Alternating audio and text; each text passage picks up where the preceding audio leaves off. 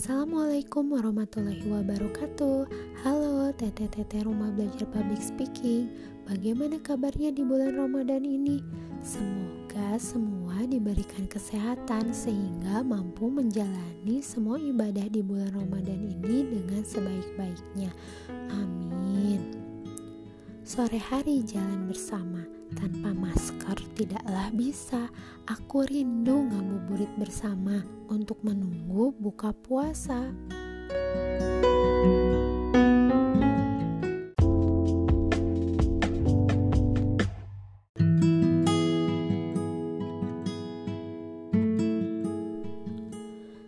Teteh-teteh, siapa nih yang kangen dengan kebiasaan ngabuburit yang bebas di bulan Ramadan?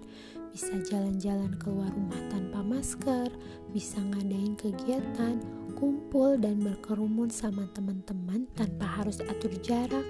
Hayo, siapa yang kangen? Saya sih kangen banget bisa ngabuburit dengan bebas seperti Ramadan yang lalu saat sebelum ada wabah corona. Tapi bagaimanapun juga kita tetap harus beradaptasi dengan kondisi saat ini. Mau gak mau kita harus menerima dan menjalani Ramadan di masa pandemi ini. Oh iya teteh-teteh, ada yang tahu asal kata ngabuburit itu dari mana ya? Yap, bener banget. Ngabuburit itu berasal dari bahasa Sunda.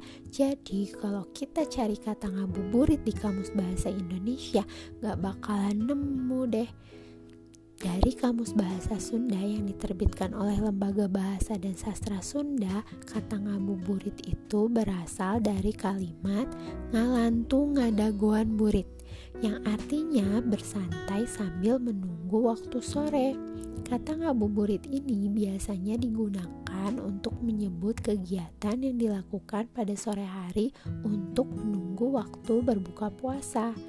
Tapi ada juga kok daerah di Indonesia lainnya yang menggunakan istilah dalam bahasa daerahnya sendiri. Misalnya, Malengah Puaso yang berasal dari bahasa Minang. Kalimat tersebut memiliki arti kegiatan untuk mengalihkan rasa haus dan lapar karena berpuasa. Dan tentunya masih ada istilah-istilah dari daerah lainnya. Tapi istilah ngabuburit itu menjadi istilah umum yang tidak digunakan oleh orang Sunda saja, tapi juga menjadi istilah familiar yang digunakan oleh orang-orang lain di seluruh Indonesia. Ngabuburit menjadi salah satu tradisi yang identik dengan bulan Ramadan. Biasanya diisi dengan berbagai macam kegiatan kalau teteh-teteh biasanya ngapain aja nih ngabuburit? Kalau saya sendiri biasanya itu berburu takjil. Kegiatan ini menjadi kegiatan favorit saya terutama saat saya masih kuliah dulu.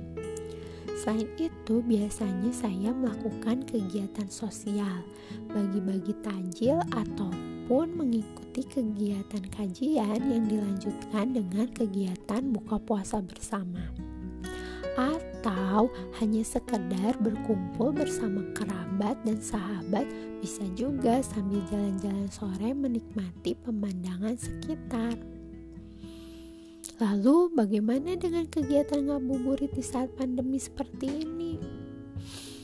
Hmm, Nah, di masa pandemi ini tentu saja kegiatan ngabuburit yang kita lakukan harus menyesuaikan dengan situasi dan kondisi yang ada. Jikapun kita harus pergi keluar rumah, jangan lupa untuk selalu menerapkan protokol kesehatan, memakai masker, atur jarak, dan juga rajin cuci tangan. Lalu, jika ngabuburit di rumah, ngapain aja ya?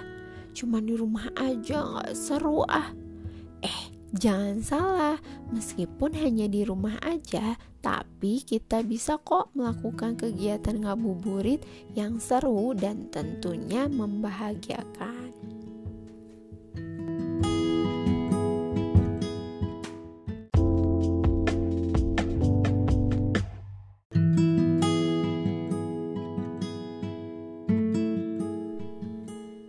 Pada kesempatan kali ini, saya akan berbagi dua inspirasi kegiatan ngabuburit yang bisa dilakukan pada saat pandemi. Kegiatan yang pertama adalah proyek berbuka puasa bareng anak. Sebagai seorang ibu, tentunya sore hari itu menjadi waktu yang super sibuk untuk kita mempersiapkan menu berbuka puasa. Setuju kan, teteh-teteh? Nah, di Ramadan ini kita bisa menjadikan hal tersebut sebagai kesempatan untuk membuat kegiatan seru bersama anak. Kita bisa ngajak anak ngabuburit untuk mempersiapkan menu berbuka puasa. Sebelumnya, kita bisa bertanya kepada anak, ingin berbuka puasa dengan apa? Kemudian, kita bersama-sama mencari resepnya dan merencanakan untuk menjadikan menu tersebut sebagai menu berbuka puasa pada hari itu. Untuk anak yang usianya sudah besar, bisa banget untuk diajak menyiapkan menu masakan makanan berat. Untuk anak yang usianya masih kecil, kita cukup mengajak untuk mempersiapkan menu takjil saja. Rasanya banyak banget deh menu takjil yang bisa melibatkan anak dalam proses membuatnya. Misalnya saja membuat agar-agar. Anak dapat bagian untuk menuang-nuangkan bahannya atau membuat sop buah Anak bisa dikenalkan dengan berbagai macam buah-buahan, kemudian anak bisa dilibatkan dalam proses memotong-motong buah atau hanya memasuk-masukkannya saja ke dalam wadah. Kegiatan ngabuburit ini dijamin bakalan seru banget. Anak pun akan merasa lebih senang ketika berbuka dengan makanan yang mereka buat sendiri. Proyek ini pun bisa banget dibuat agar bermanfaat lebih luas. Misalnya dengan merencanakan membuat takjil dengan porsi yang lebih banyak.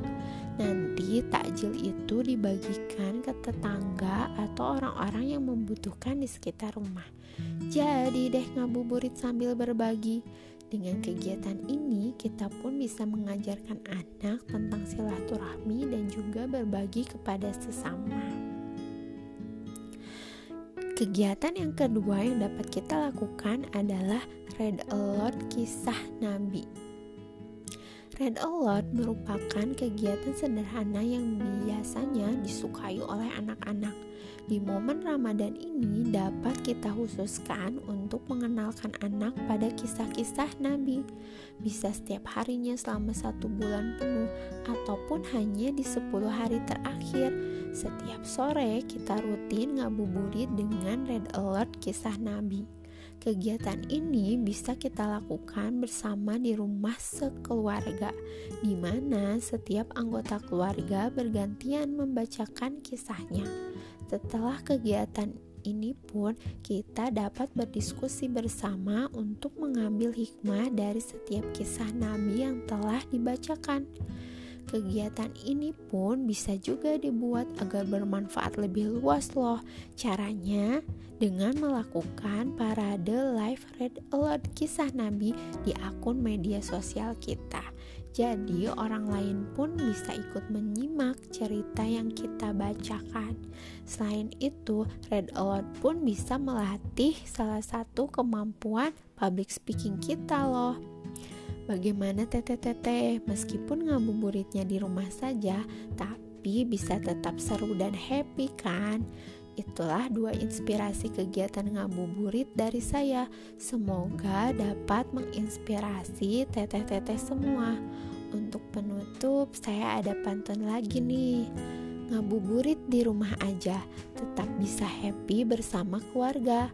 Ramadan tinggal beberapa hari aja, tetap semangat ibadah sekeluarga. Sampai ketemu pada kesempatan berikutnya. Wassalamualaikum warahmatullahi wabarakatuh.